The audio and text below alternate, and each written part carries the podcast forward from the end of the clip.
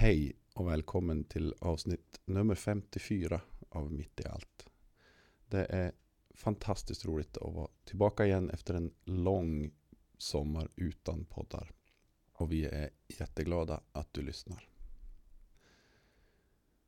Eftersom det är Pride i Umeå den här veckan så har vi spelat in en liten specialare, en Pride special eh, blev det av den här podden. Ni kommer få träffa Johan och Susanne från Svenska kyrkans regnbågsgrupp och Loe som är en av arrangörerna för Pride Umeå som pratar med varandra om hbtq-frågor inom kyrkan. Följ oss gärna i sociala medier. Vi heter Ung i USF på alla sociala kanaler vi har eh, och du kan också gärna dela med dig av ditt liv och dina tankar på hashtaggen mitt i allt som vi använder en hel del. Du kan också, om du vill det, mejla oss på umea.mittiallt.svenskakyrkan.se Men nu tycker jag att det är dags för veckans avsnitt. Ha det så gött!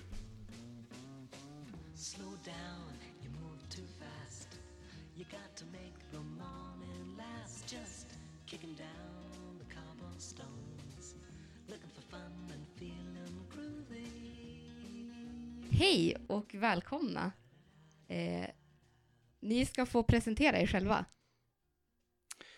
Eh, ja, vad ska jag säga- då? Jag heter Johan Danielsson. Jag går folkhögskola just nu. Eh, har varit anställd några år i kyrkan och är ideell på lite olika sätt just nu. Ja, det var väl jag. Det var du. Ja. Susanne Dahl heter jag. eh, Är med i regnbågsgruppen Svenska kyrkan och eh, är också studentpräst på kyrkan på campus.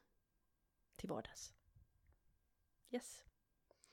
Eh, Jag heter Loe Karlsson och jag är en av arrangörerna bakom Umeå Pride. Och jag har varit engagerad i kyrkan under många år, till och från. Jag slänger ut en fråga ganska direkt. Vad är regnbågsgruppen för någonting? Jag kan börja försöka svara här så får Ja. ni fylla, fylla på. Men vi är en grupp i kyrkan helt enkelt som eh, vill att hbtq ska bli mer synligt eh, och ge dels kunskap in i kyrkan kring hbtq-frågor. Eh, men också att skapa en bekräftande och inkluderande och bra sammanhang. Eh, att man som hbtq-person ska känna att jag är välkommen, det är självklart.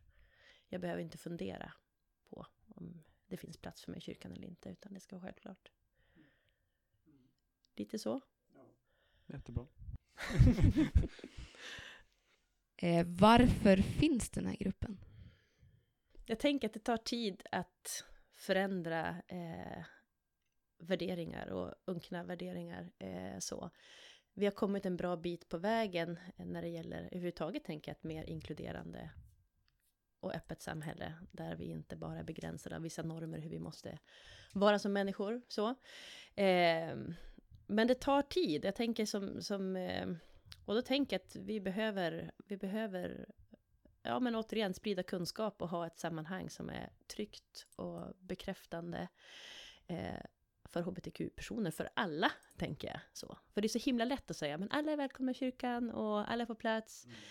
Eh, men så går man ändå med den där lite diffusa eller väldigt påtagliga känslan, men har jag verkligen plats här och är det så självklart? Och det finns ju ganska, tyvärr ganska mycket i kyrkans historia som har varit förtryckande och eh, ja, fruktansvärt kränkande och gjort jättemycket skada eh, när det gäller samkönad kärlek och hbtq.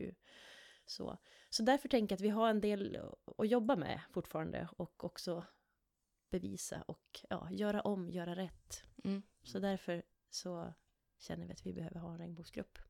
Än så länge. Mm. Mm. Eh, HBTQ kan kanske klargöra vad, vad betyder det? Eh, HBTQ står för homo, bi, trans och queer. Och hur ska man sammanfatta det? Det betyder väl sexualiteter och könsidentiteter utöver normen. Det vill säga samkönad kärlek eller ja, men transidentiteter. Vad är det bästa eller något väldigt bra med att vara hbtq-person i kyrkan? Eh, ja, jag tänker att, att vara hbtq-person i kyrkan, man får ju samma fördelar som att vara alltså, en hbtq-person med tro. Alltså att en, en religion kan ju göra mycket för att man ska må bättre, men just i kyrkan tänker jag att du kan hitta mycket gemenskap där. Alltså om du rör dig, rör dig rätt i kyrkan så kan du hitta många personer som kan ge dig väldigt mycket närhet och stöd och tankar som kan göra att du, om du inte redan känner så, att du blir mycket mer okej med den du är. Det är ganska vanligt bland hbtq-personer att man helt enkelt inte gillar den man är. Och det tror jag att du kan hitta i kyrkan. Och just det, det här med att kyrkan inte har varit så himla gullig jämt mot hbtq-personer, det upplever jag i alla fall känns ganska ballt då när man märker att det är till exempel en gudstjänst eller regnbågsgruppen eller så, att det finns någonting där, det känns som man har erövrat någonting på något sätt. Och jag tycker det är en ganska stark känsla. En av mina liksom bästa minnen i kyrkan överhuvudtaget var för några år sedan när jag tillsammans med min vän Åsa höll i en gudstjänst på Vasakyrkan och jag pratade om, om trans och hur trans har en självklar del i kyrkan och folk applåderade och det var hur många Mm. som helst där. Och alla verkade tycka det var så bra och efteråt ville folk prata med mig. Alltså så här, Mm. att, att prata trans i en miljö där det har varit så himla, himla dåligt och så himla, himla tabu. Det är, väl, det, är, det är väldigt starkt att kunna vara där och inse att även i en sån här miljö så kan jag få vara. Upplever jag. Det är nog Mm. det bästa med Mm. kyrkan. Eh, vad, vad finns det för svårigheter? Eh, ja, eh, det här Om man tänker just nu. Typ. svårigheter just nu.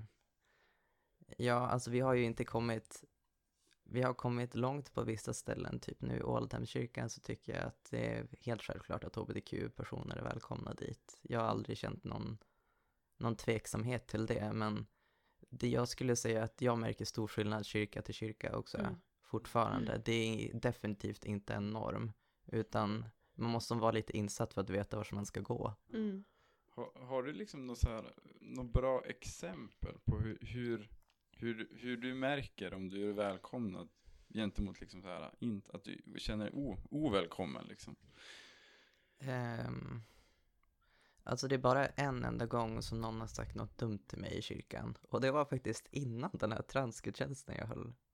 Då var det en person som såg, jag, jag har en tatuering på bröstet med transsymbolen och blommor. Då var det en som frågade vad det var för tatuering så berättade jag om den. Och då var det väldigt många intima och arga frågor Mm. kring Mm, det. just det. Var Mm. inte, det var inte bra. Mm. Det är enda gången som jag verkligen, då någon har varit direkt mot mig, men annars så, jag menar om du går på en gudstjänst och du märker att prästen pratar lite konservativt i allmänhet, Mm. då kan man Mm. som anta att han är konservativ när det kommer till det här också. Mm. Så det är väl det som jag i alla fall haft som någon slags ledstjärna. Mm. Att Men jag tycker, Mm. ju mer traditionell kring Gud, desto Mm. mer traditionell kring sånt här. Just det. Mm. Men det sätter ju som samtidigt fingret på något, jag tänker det du frågar Johan, att, att det verkligen så här ibland att, att vara ute på nattgammal is, det med att man faktiskt inte, man vet Mm. inte, och att, att det som hbtq-person tänker jag också att varje gång jag går in i ett nytt sammanhang, kyrkligt eller icke-kyrkligt, så är det att utsätta mig, alltså att inte riktigt veta, blir jag mottagen eller vad är det som gäller? Ja, nej men så är det. Mm. Ja, det jag tänkte på, det var så här, men vid förra frågan, att vad, vad är det bästa med Mm. att vara hbtq-person i kyrkan? Så, så, så sa du ju att om, om jag rör mig rätt Mm. så är det bra. Att det Mm. liksom, Det är villkoret, eller förutsättningen. Ja, då tänker jag så här, ja, vad, vad är det för kyrka? Mm. Alltså, vi, Mm. Om, om, om våra liksom besökare måste välja rätt Ja. kyrka för att känna sig välkommen. Alla är inte välkomna i alla kyrkor. Alla är inte välkomna i alla kyrkor. Nej. Jag tänkte, vad, Mm. vad händer med evangeliet? Ja, så Mm. Jag tror att det hade varit mycket svårare om inte jag hade varit engagerad i kyrkan liksom innan jag kom ut. Så jag Mm. lärde som ändå känna Mm. miljöerna och veta liksom vad, vad jag tänkte om kristen tro och vad, lärde känna liksom, ja men vad är konservativa värderingar inom kyrkan egentligen? Men om man inte har någon koll på kyrkan överhuvudtaget och hbtq och känner att ja, men jag behöver lite Jesus i mitt liv, då Mm. tror jag det är jättesvårt Mm. Mm. Mm. att känna dig hemma i kyrkan. Mm. Mm. Utan du måste, du måste veta vart du ska. Mm. Mm. Men vad tänker du där om, för det pratar vi om ibland. Eh, och det har väl inte hänt än så vitt jag vet i Umeå, men det här att sätta upp, att ha en regnbågsflagga liksom i entrén i kyrkan. Så. För jag menar, det förpliktigar ju också, att då, då, då ska det också vara en, en, en trygg och välkomnande miljö. Ja, alltså så är det ju. Alltså om det är en kyrka där man inte riktigt egentligen vill ha hbtq-personer Mm. där och så när man regnbågsflagga, då, alltså, då tror ju folk att det är okej, man måste väl leva upp det till något sätt, men man kan ju inte garantera att alla som kommer till kyrkan gäller hbtq-personer, det går ju aldrig att göra. Nej. Det kan ju alltid gå snett, Mm. oavsett Mm. hur välmenande personalen Mm. är. Men Mm. jag föreställer mig att om en kyrka har en regnbågsflagga framme eller något sånt, så i alla fall försök dem. Mm. Och jag tror att då skulle man, då skulle det vara betydligt enklare för de här ensamma själarna där ute som inte kan kyrkan att hitta Mm. vart de är Mm. välkomna. Mm. Just det. För nu är det nästan lite så att man måste känna någon som känner någon. Mm. Mm. Ja, just det. Mm. Det är lite som, eh, som Ann-Kristin Rut eh, sa på föreläsningen på Pride här förra året. Att liksom en, en alltså vad som helst, en församlingsexpedition eller en, en hotell, eh, liksom, hotellexpedition eller tågcentral eller var som helst. En, en plats som, liksom, som aktivt inte är välkomnande mot hbtq-personer ser ju utåt sett likadan ut som en plats som är välkommen om det inte finns någon sorts regnbågssymbol. Mm. Mm. Eh, Något tecken. så att det är liksom så här att det, liksom, för, för hon sa ju att, att det, liksom, ja, men det krävs ju, liksom, det, det krävs någon sorts symbol för att jag ska kunna vara säker på att, att jag är välkommen här. Mm. Det som också är Ann-Kristin Rut, Ann-Kristin Rut är ju då en präst som kom ut som, som trans. Mm. Eh, Ja, och var här och föreläste Mm. för ett år sedan. Och det hon sa var ju också att de har, hon sover alltid på samma hotell om det var i Stockholm, typ för att de har regnbågsflagga på disken där. Och de har det året runt. Mm. För det är väldigt många butiker och ja, men ställen överhuvudtaget som kanske tar fram flaggan under Pride. Och sen tar man bort den. Mm. Liksom. Och det är jättebra att man tar fram den under Pride. Det är jag definitivt inte emot. Och jag, finns säkert skäl till att folk inte kan ha den framme hela tiden. och Det kan jag förstå. Men jag uppmuntrar verkligen organisationer och företag att ha den framme jämt om de på riktigt vill välkomna hbtq-personer. Mm. Mm. Mm. Där tänker jag också som bara haka på men, frågan om varför regn- regnbågsgruppen finns. Så, så var det också, men det började ju med att vi ville vara en del av Umeå Pride. Så. Och sen började vi som inse, men hallå det är så här 363 dagar till om året. Vad gör Mm. vi då som Mm. kyrka? Och att det här är, måste vara en process eller något som vi behöver jobba med hela tiden. Sen tänkte jag också, eh, bara som en parallell, alltså om, om, om det har en positiv betydelse, så vet jag att ja, men Johanna eh, i vår regnbågsgrupp, när vi pratade lite grann, eh, när vi såg sist, så sa hon, ja men det här med att fira regnbågsmässa, det behöver inte vara så särskilt eller så mycket annorlunda, men bara det att regnbågsflaggan finns i kyrkorummet eller ligger på altaret och vi kanske sjunger samma psalmer som vanligt men plötsligt så, så möts de här två världarna och en traditionell psalm kan plötsligt laddas med regnbågsbudskapet Mm. på något sätt och att, att det både blir välkomnande och bekräftande och att någonting händer. Så jag tänker att det har betydelse. Mm. Ja, men jag tänker det är väldigt många jättevackra citat om Mm. kärlek eller vad som helst som Mm. redan används i jättemånga gudstjänster som kan Mm. direkt appliceras på hbtq också. Precis. Men Mm. man tänker inte på att det gör det. Så en regnbågsflagga tvingar ju oss att tänka, Tänka. i det perspektivet också. Exakt, det Mm, öppnar mm. upp nya dörrar och breddar. Mm. Och det föra oss in lite på nästa fråga. Eh, vad som kan, eller vad, vad kyrkan skulle kunna göra för att, för att vi som hbtq-personer ska kunna känna oss välkomna. Ja, jag tänker att regnbågsgrupp är väl bra att börja med generellt sett. Mm. Och jag tänker att man ska skylta med det också. Mm. Man ska verkligen visa det. Men sen, jag vet att till exempel när man hbtq-certifieras så finns det väldigt många små saker också som Mm. du kan tänka på utöver de här stora. Jag vet till exempel på badhus så ska man tänka på att inte säga till en man, ha, har du din fru också här? Utan att veta att det finns andra slags familjer. Mm. Och jag tänker att sådana här små saker tycker jag att man kan applicera på kyrkan också. Att man behöver inte prata väldigt mycket man och kvinna i kyrkan och hon eller han, för det finns betydligt fler personer än hon Mm. och han. Mm. Och att liksom, jag tror att det är väldigt enkelt att tänka sig att, att vara hbtq-vänlig är att liksom tänka på bara de som till exempel är samkönade på något sätt. Att det är lika Mm. okej att vara med en man som är en kvinna för alla liksom. Men alltså för transpersoner, då, att, att vara trans har inget med sexualitet att göra, utan det har med könsidentitet att göra. Och då så måste man vara mer välkomnande med att visa att du får klä dig hur du vill och liksom man får se ut hur man vill på ett annat sätt. Jag tror att det krävs andra insatser än det gör för att välkomna homo och bi-personer. Och jag vet att det är många som uppskattar typ könsneutrala toaletter. Det är en sån där liten sak som man kan tänka på men som gör jättestor skillnad för många. Mm. Många transpersoner känner sig väldigt otrygga på toaletter generellt sett. Mm. Och sen tänker jag att en av de allra viktigaste sakerna som en kyrka egentligen kan göra är att ge space till hbtq-personer där de faktiskt kan få lämna önskemål. Och att Mm. det ska vara lättillgängligt att göra det här. Det ska inte vara en process och att det är någon lapp längst bak i kyrkan, utan det ska vara enkelt för hbtq-personer att säga vad de vill och det här Mm. ska tas upp snabbt och ges respons på och man ska ta det på allvar. Mm. Mm. Det.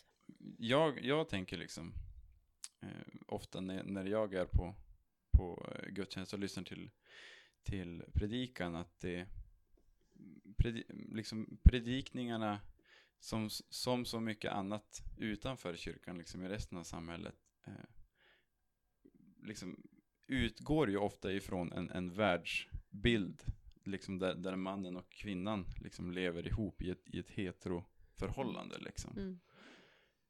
Eh, att man, jag menar att man säger, att i, i predikan att vi säger, ja men vi säger mamma och pappa eller liksom, Mm. ja men ja, vi utgår liksom ifrån det. Eh, och det tänker jag att det, det är liksom, egentligen så, så krävs det ju, det krävs ju ganska lite för att göra stor skillnad. Mm. Mm. Jag menar att liksom säga, ja men säg föräldrar bara, eller liksom Ja men det är, när, alltså när man jobbar med konfirmander till exempel, det, men det är som ta hem, ta hem infolappen till din vuxna där hemma eller liksom så här, det, det krävs inte så himla mycket egentligen. Mm. Eh, bara, Att bli medveten och byta ord.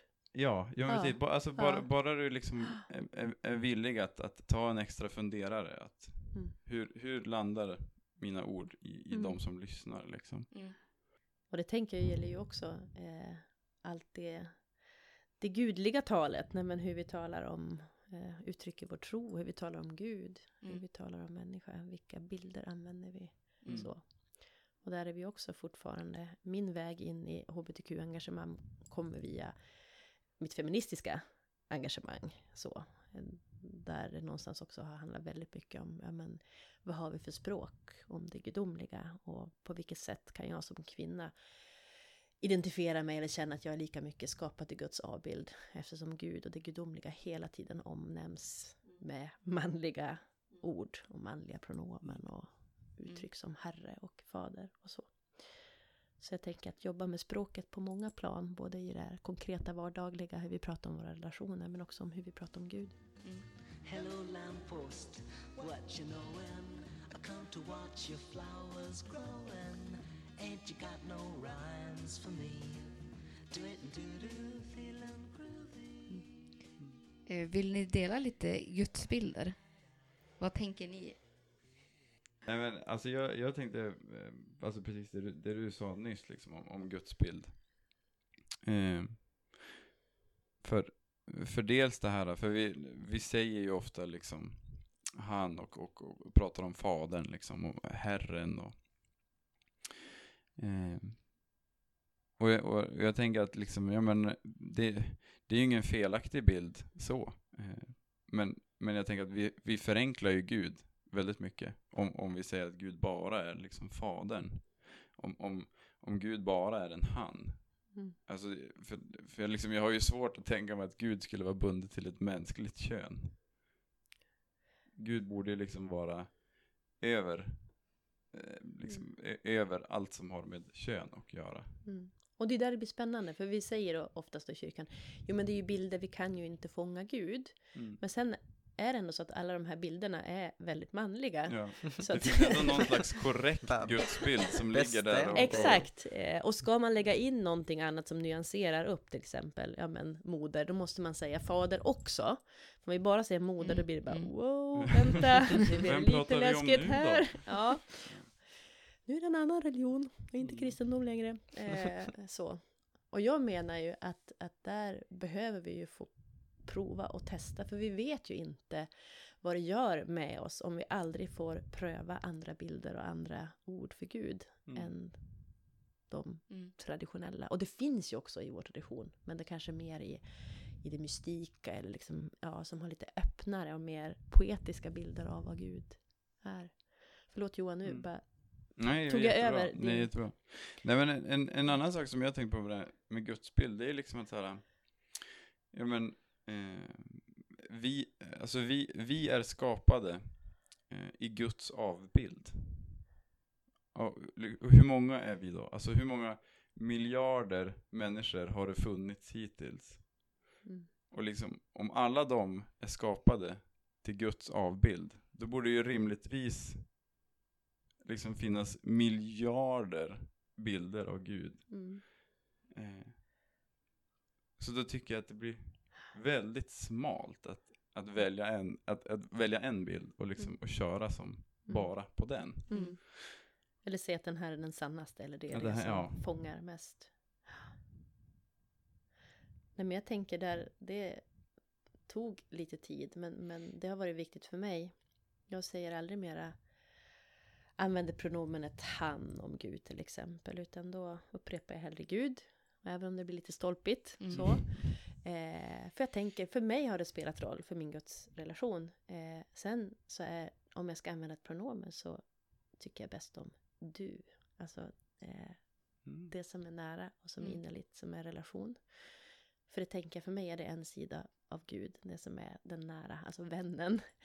Och sen den andra sidan, det är det här helt ogripbara, men som är grunden för allt liv, som är det som bär mig, som är havet, som är himlen, som är ja, källan till allt.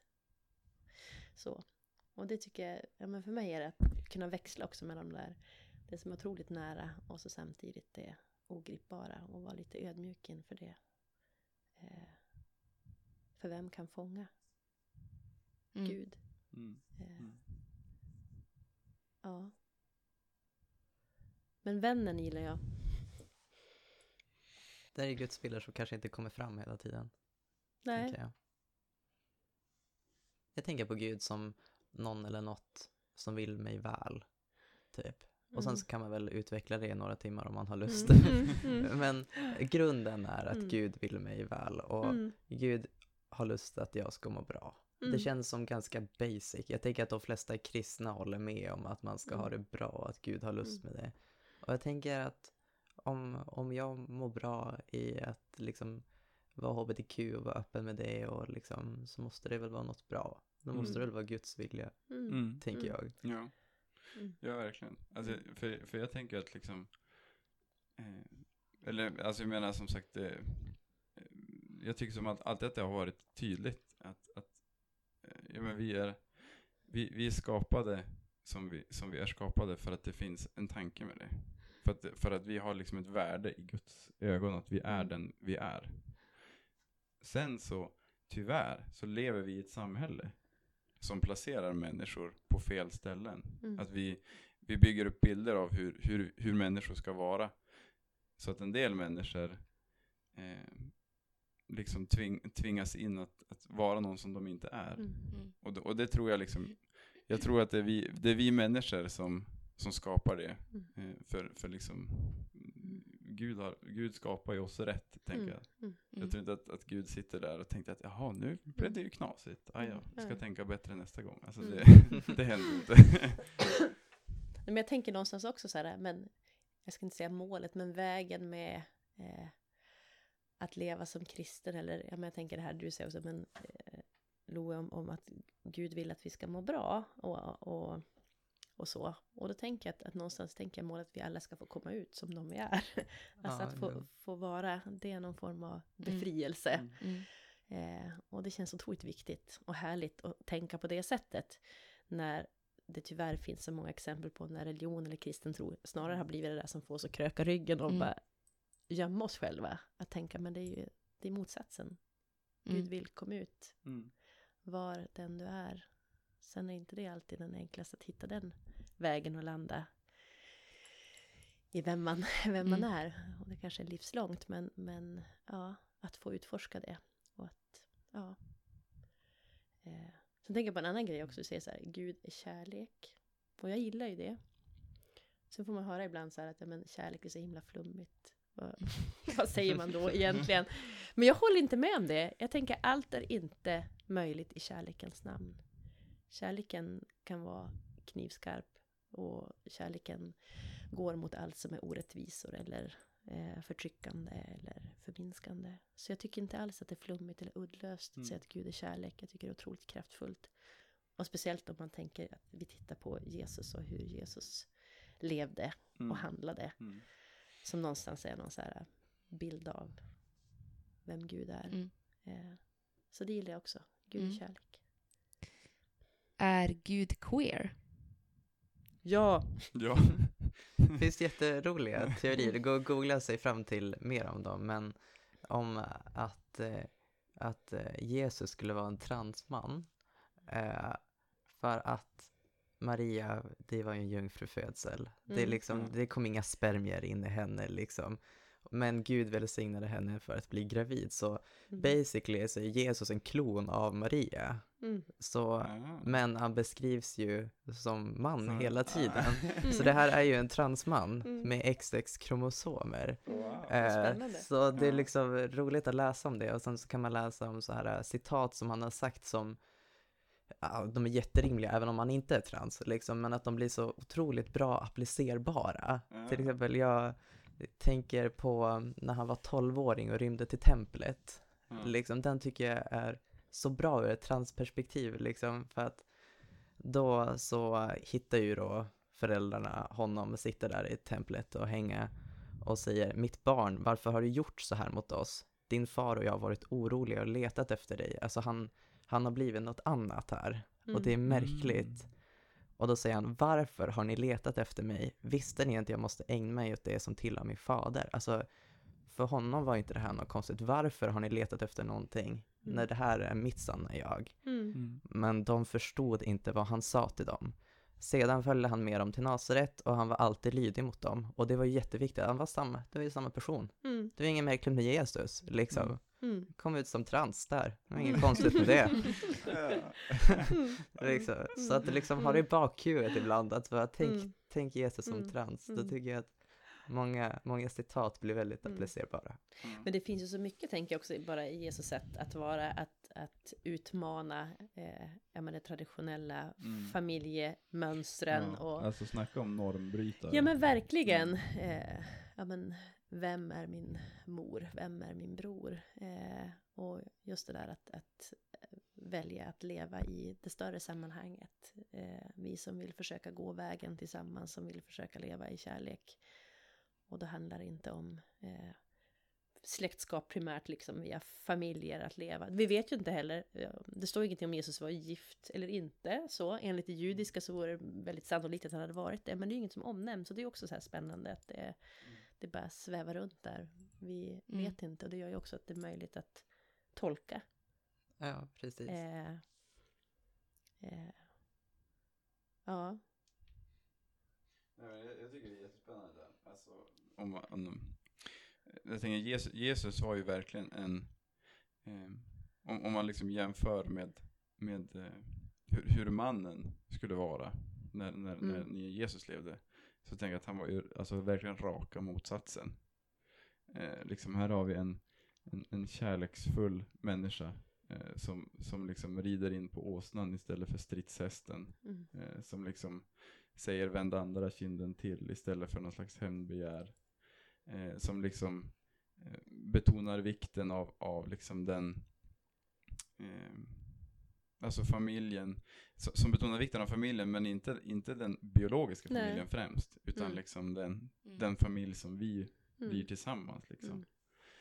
Mm. Eh, och jag, nej, men alltså, jag, jag tycker det är jättehäftigt att, att titta på Jesus som, som normbrytare. Att, för, att, för, för mig så har det som har varit självklart att, att eh, om, om Jesus skulle komma tillbaka nu, då, då hade han sagt att nej, men vi, vi väntar till liksom Pride-paraden på lördag så att jag hinner gå i den. Sen, sen kan Mm. vi åka till himlen. Liksom. Mm. För det, jag, måste, jag vill gå i Just den det. först. Liksom. Ja.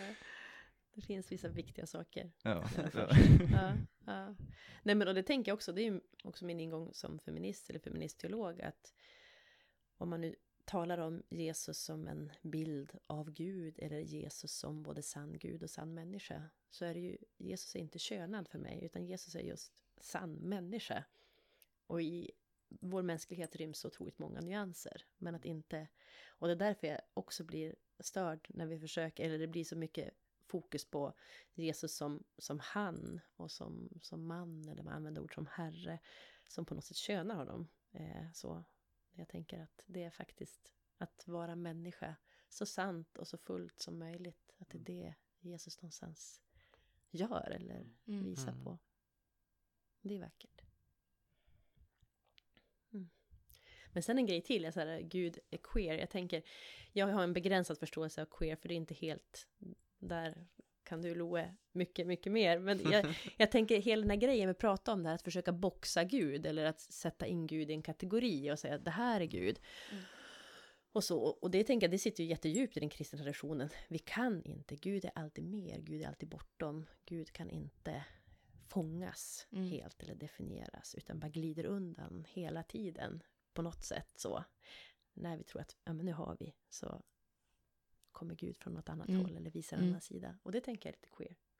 Ja, queer, alltså det är ju ett begrepp, tänker jag, att beroende på vem vi frågar så kommer du få olika svar. Ja. Det är lite, lite flummigare begrepp än de andra. Men, Lika flytande som Gud kanske. Ja, kanske, kanske queer gud. Ja, de är li, lite samma sak Ja. egentligen. It's a Eh. match. Men eh, till exempel, jag tror att när man pratar om queer ganska ofta bara så här så pratar man väl om normbrytare när det kommer till sexualitet eller könsidentitet eller på något sätt. Alltså jag tänker att det är liksom lite, lite vidare begrepp. Jag tänker att asexualitet ryms där eller polyamori eller liksom alltså olika saker som på något sätt bryter mot normen när det kommer till sexualitet och könsidentitet. Mm. Är väl det. Och jag tänker att på det sättet, eftersom det inte nämns någonting om Jesus och sexualitet, han kanske var asexuell, Mm, då är han queer på det sättet. just det. Mm. Mm, Trans och asexuell. mm, just det. Mm. Mm. Mm, Wow. Ja. Ja. vet vi det. Ja. Vi fortsätter på, på gudspåret. Vad, vad är det att vara älskad av Gud? Det är någonting vi säger ganska ofta i kyrkan. Mm. Du är älskad, Gud älskar dig. Eh, och det, jag vet inte, där är det så olika. Att få höra det, det kan, det tror jag kan, vad ska jag säga, eh, ha en jättedjup inverkan och vara precis det en människa behöver höra. Och det kan landa i den personen. Men det kan också vara bara en nonsensutsaga. Bara, vad betyder det? Eh, hur känns Mm. det? Eller hur vet jag det? Eh, och jag tillhör nog den senare kategorin som är lite trög. Eller jag fattar inte riktigt. Eh, det blir ganska abstrakt. Eh, så det jag landar mer och mer i med åren, det är ju någonstans att jag behöver ju mina medmänniskor för att också få känna och förstå vad Guds kärlek är och att jag är älskad. Så. Sen tror jag ju och vilar i att Guds kärlek är, är större oavsett medmänsklig kärlek eller inte. Men, men jag, jag tror ändå att på något sätt för mig hänger ihop med det mellanmänskliga. Ja, få ana och få känna, bli sedd av en annan människa, få den där varma blicken. Eh, det tänker jag är Guds kärlek genom oss. Mm. Eh, men inte bara, men, men som något som jag klamrar mig fast i eller ja. Mm.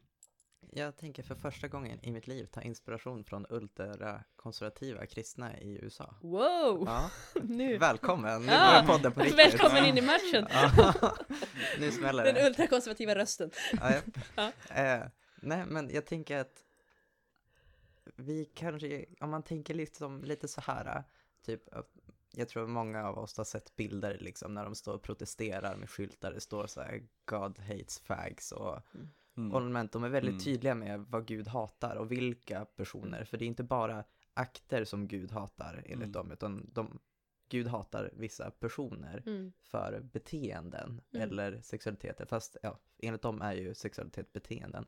Och jag tänker då, kan inte att, älsk, att vara älskad vara tvärtom då? Alltså, Mm. för enligt dem vill ju Gud att de ska sluta med det här. Kan inte Gud vara, när han älskar oss, kan inte han uppmuntra det som är bra för oss då? Kan Mm. inte det vara Mm. det som innebär att vara älskad av Gud?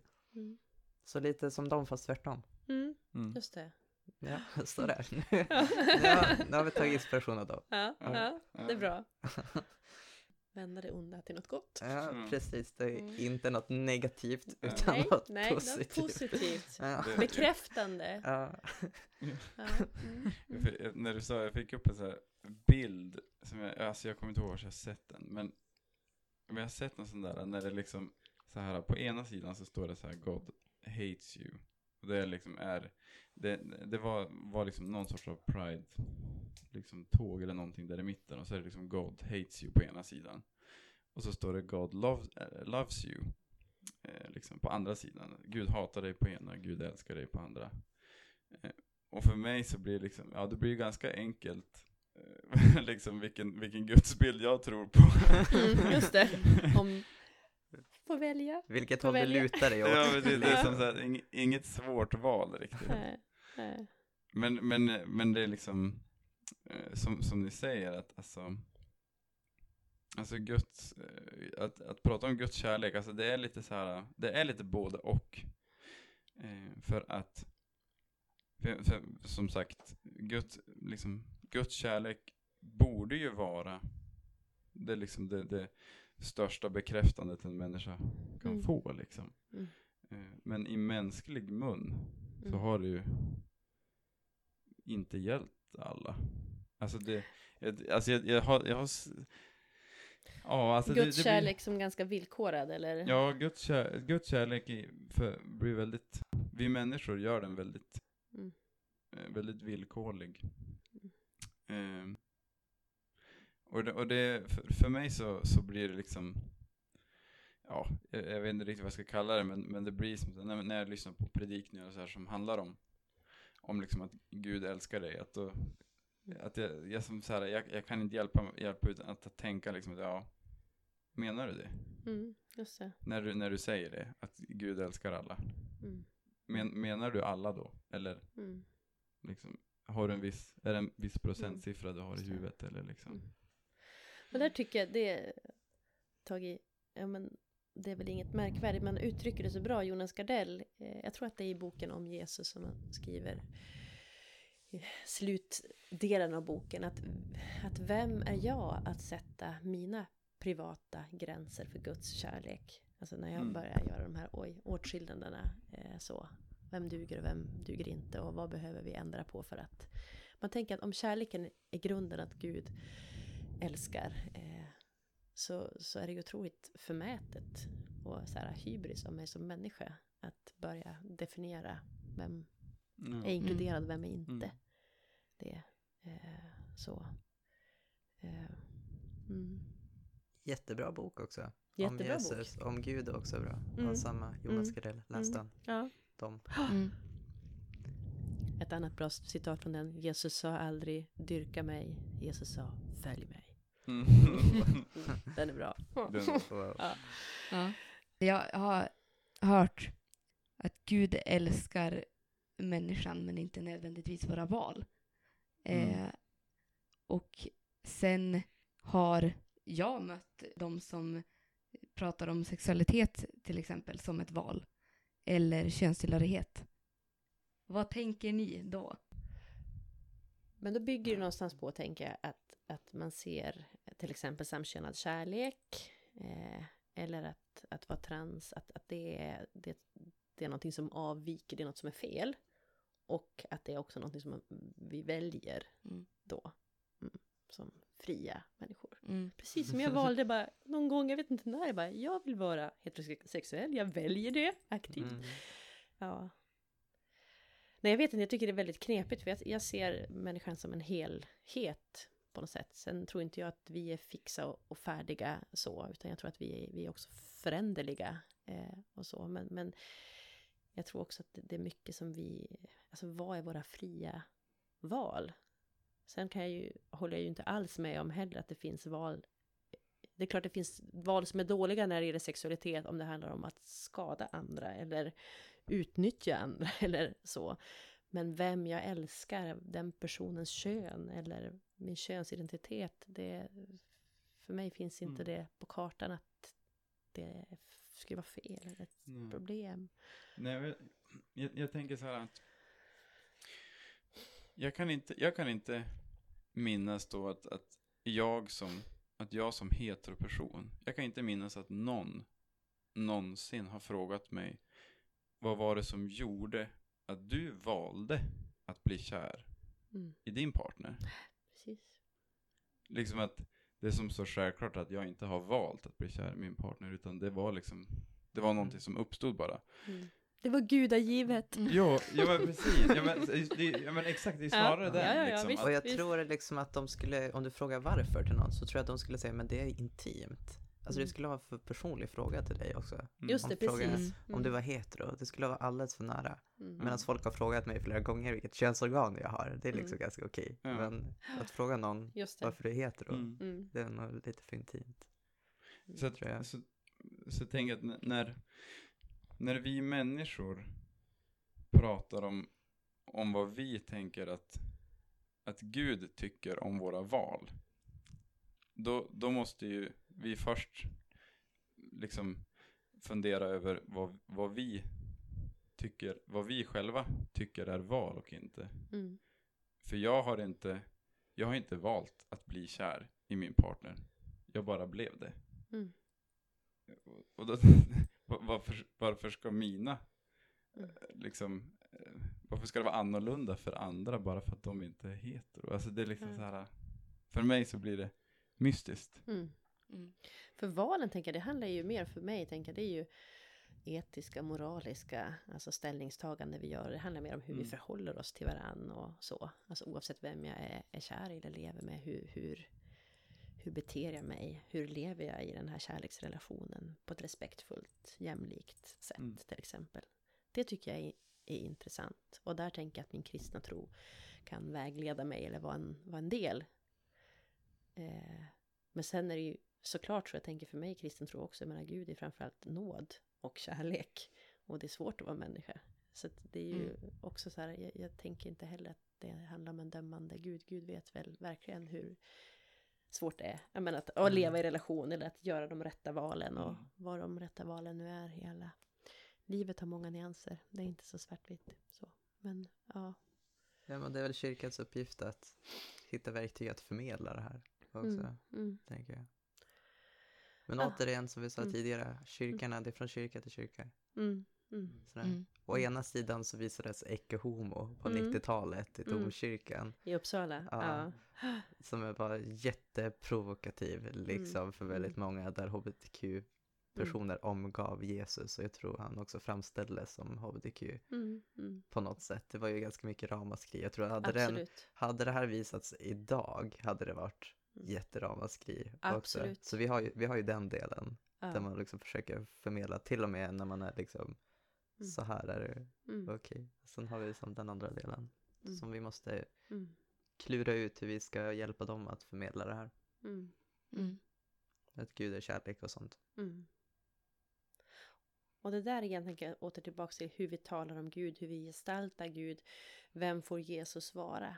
Mm. Och att, att det är en sak att säga vissa saker, men när vi tar faktiskt tar ut svängarna och, och, och möjliggör för transpersoner, för hbtq-personer att fullt ut få möjlighet att identifiera sig med Jesus eh, och spegla sig själv och sina liv som ecce-homo, tänker jag, att Mm. faktiskt avbilda.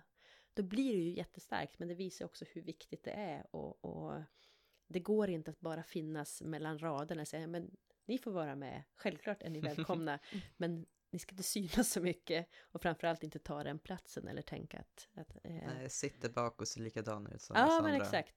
Smält Och in. bete er inte så märkligt. Nej, nej, Då är det okej. nej. Nej, Icke Homo var ju fantastisk.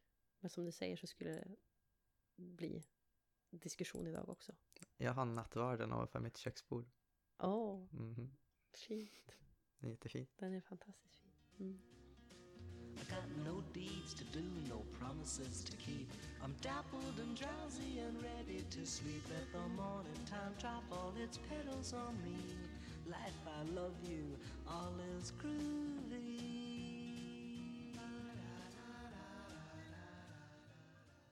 Vill ni säga någonting om Echo? Precis. Eh, EKO är Kristna Ekumeniska Föreningen för HBTQ-personer. Så.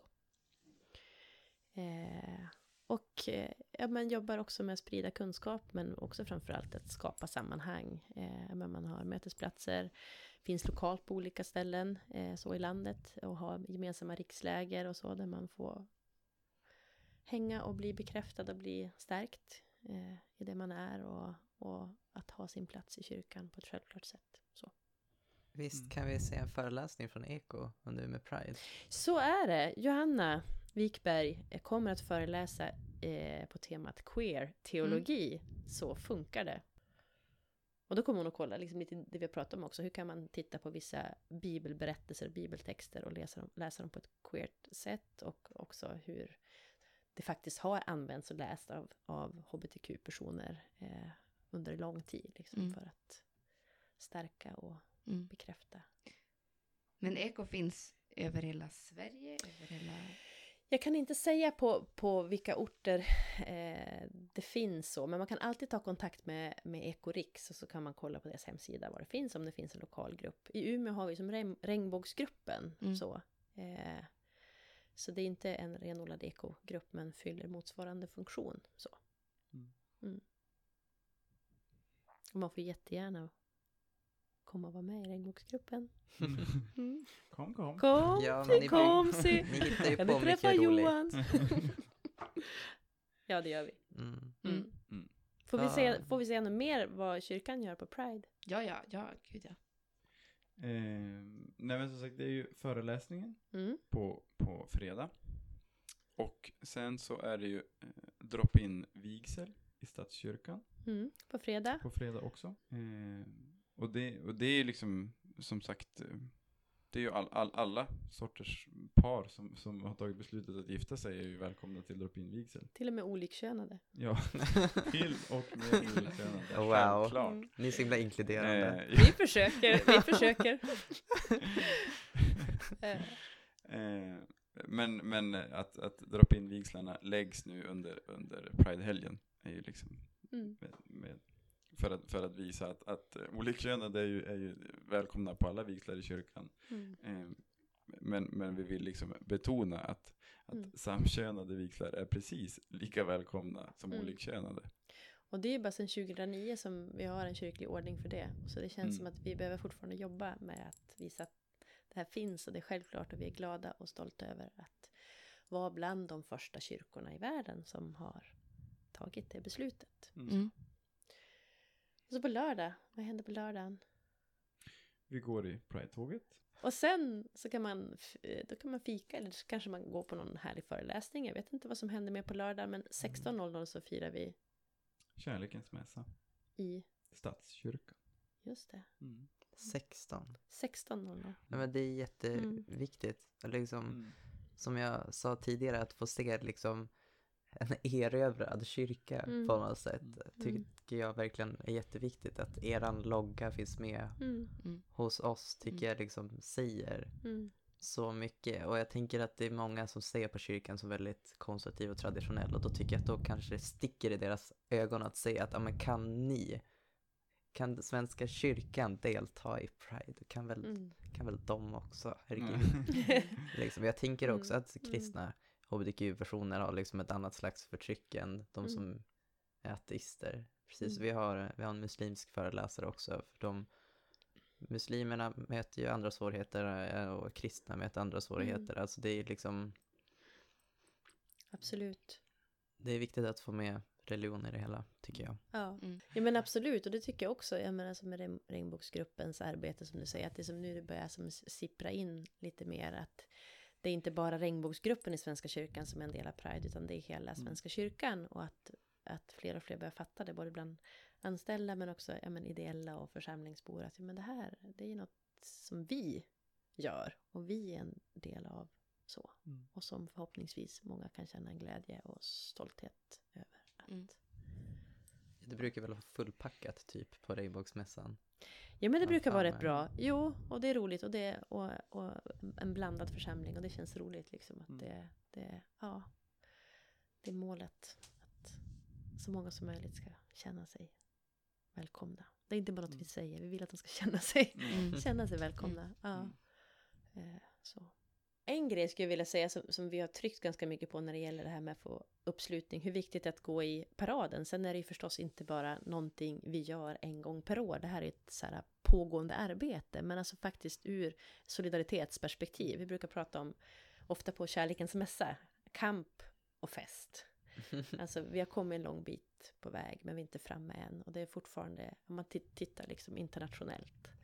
Inte minst när det gäller Östeuropa eller Ryssland. Alltså när det gäller hbtq-personers rättigheter och situation. Eh, ställen där man får ställa in Pride. För att det är för farligt helt enkelt. Folk blir angripna och polisen kan inte skydda dem. Eh, så. Och vi kan faktiskt gå i paraden.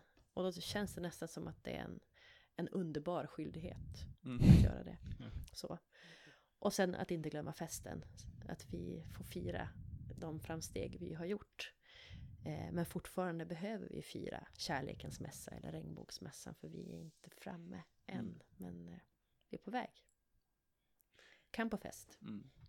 Och om jag, om jag hak, hakar i där då, då liksom det här, då vill jag haka i det här med att, ja men Pride, eh, lite, lite kristen skyldighet Mm. eh, faktiskt. För, för det, det, det kommer ju ibland så när, när, när man liksom eh, pratar om, om, om hbtq, eh, i kyrkan så kommer det ju ibland sådana där funderingar om att, att folk liksom på något sätt undrar om man verkligen är kristen på något, så här, har, du, har du läst Bibeln? Har du liksom Hur kunde du komma fram till hur, det här? hur, ja, folk, en, en del undrar liksom, ja, men Mm. hur har du kommit fram till den här, och, och menar ofta att det, att det är någonting sekulariserat, att det liksom, Mm. att, att det är någonting som den sekulariserade sam, liksom, Mm. som, något som samhället helt enkelt har tvingat på kyrkan, snarare än Just tvärtom. Mm. Och, och då vill jag bara säga att nej, alltså jag, jag engagerar mig i hbtq därför att jag är kristen. Jag tycker att det går, alltså att det, är liksom, det, det går in i min kristna identitet att, att liksom Mm. stå upp för de som behöver det. Alltså, eh, och det, jag, känner, jag känner nu att min puls går upp. Att jag, att jag har fått den här frågan så många gånger och jag, jag, jag blir liksom så så engagerad i, i detta för att jag tycker liksom att jag har, jag har aldrig liksom kunnat se att det skulle vara något annat än en kristen skyldighet att, Mm. att engagera, alltså, engagera sig i detta. Mm. Eh, det hör ihop med, med Guds bild, det hör ihop med att läsa Bibeln. Eh, det är liksom Mm. här, det är Mm. inte, alltså det, är- det, Mm. är Mm. inte något sekulariserat, något sånt här samhällsgrej, utan liksom det här gör jag därför att jag tror på en kärleksfull Gud. Mm. HBTQ, what would Jesus do? Eh, Nej men absolut, och det tänker jag också återigen att vi som står i och har en privilegierad position, det vill säga har, eh, faller mycket inom ramen för normen eller har liksom ja, en privilegierad Mm. plats, desto större ansvar att vara med och förändra och göra saker, tänker jag också. Ja, jag skulle vilja lägga till en sak där. Mm. Som eh, om man inte är hbtq själv så är det väl kanske, då är man väl en av dem som ska på något sätt se till att välkomna i kyrkan Mhm. ändå. Och försöka skapa en plats där folk som inte är som en själv kan komma dit. Och jag tycker det är jätteviktigt att gå i paraden för att visa det och som, som du sa, det är en skyldighet i princip Mm. eftersom Mm. alla inte kan göra det. Men jag skulle verkligen stort vilja uppmuntra folk till att gå på föreläsningar under Pride också, för det är så Mm. vi lär oss. Kunskap. Om vi inte Mm. har kunskapen så kan vi inte välkomna. Mm. Och om man går in på Umeå Prides Facebook-sida eller hemsida så finns programmet där och Mm. kan man kika.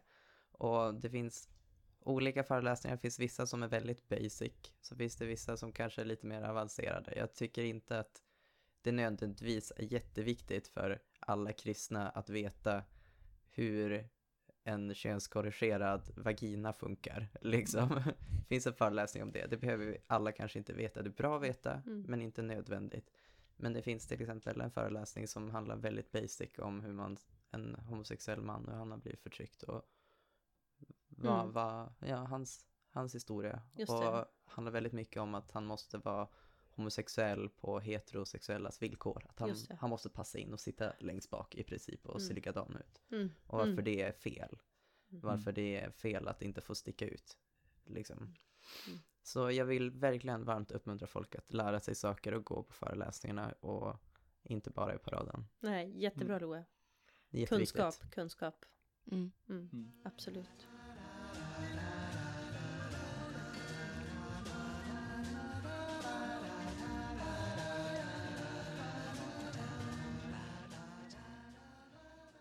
Jag, eller vi vill tacka er jättemycket för att ni kom och ville vara med i podden. Tack, Tack. själv. Mm. För att vi fick komma. Det var jättekul. Mm. Tack till er som bjöd in oss. Mm. Och tack för att ni vill bidra till Umeå Pride. Mm. Eh, vi brukar be alla våra gäster att välja en låt som får avsluta podden. Och det ska ni också få göra. Ni får enas om en låt.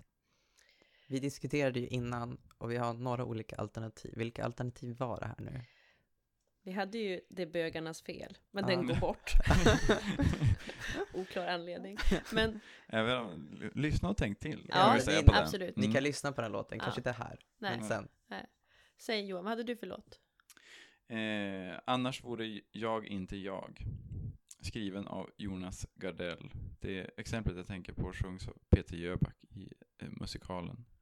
Eh, I musikalen Livet är en slager. Så är det. Mm. Eh, Du kommer att sjunga den på Kärlekens mässa också. ja, Ja. precis. Det är lite self-promotion. sådär. Ja. Nej, det var jag som gjorde.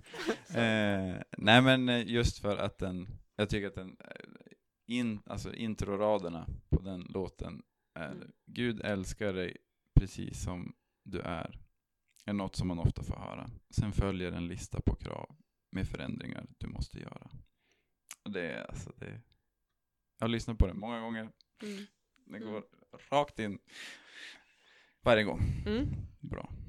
Ja, jag vill ju ha lite fartigt disco. Mm. ja, jag vill ha lite disco. Jag vill ha Gloria Gaynor, I will survive. Och det är jättebra låt. Handlar om att hon slår sig fri från en man som ändå inte ger henne det hon behöver. Hon Mm. tar avstånd från, från den som drygar. Mm. tänker jag. Mm. Just det. Ja, och du då Susanne? Jo, men då, då går jag ju som ner i tempo igen. jag älskar ju en låt, den är ju så här sjukt bra tycker jag. Och det är ju Floden av eh, norska musikern och prästen Björn Eidsvåg. Men det är en version med Bo Kaspers Orkester. Och den handlar om att jag borde bada mer i nåd och kärlek. Så, nej men otroligt vacker och bekräftande sång. Eh, men jag känner som samtidigt, det är fredag när podden sänds. Det är lite disco. Ah. Det är lite disco, det är happy pride. Ja. Eh, jag vet inte. Eh, jag, jag lägger min röst på I will survive. Ja, jag med. Ja, Då är det så. ja, vi kör så. Gloria Ja, Gaynor. För den kommer ju inte på kärlekens mässa. Nej. Nej, det är sant. Det är sant. Nej. Är vi överens? Det är vi. Clara Gaynor, I will survive.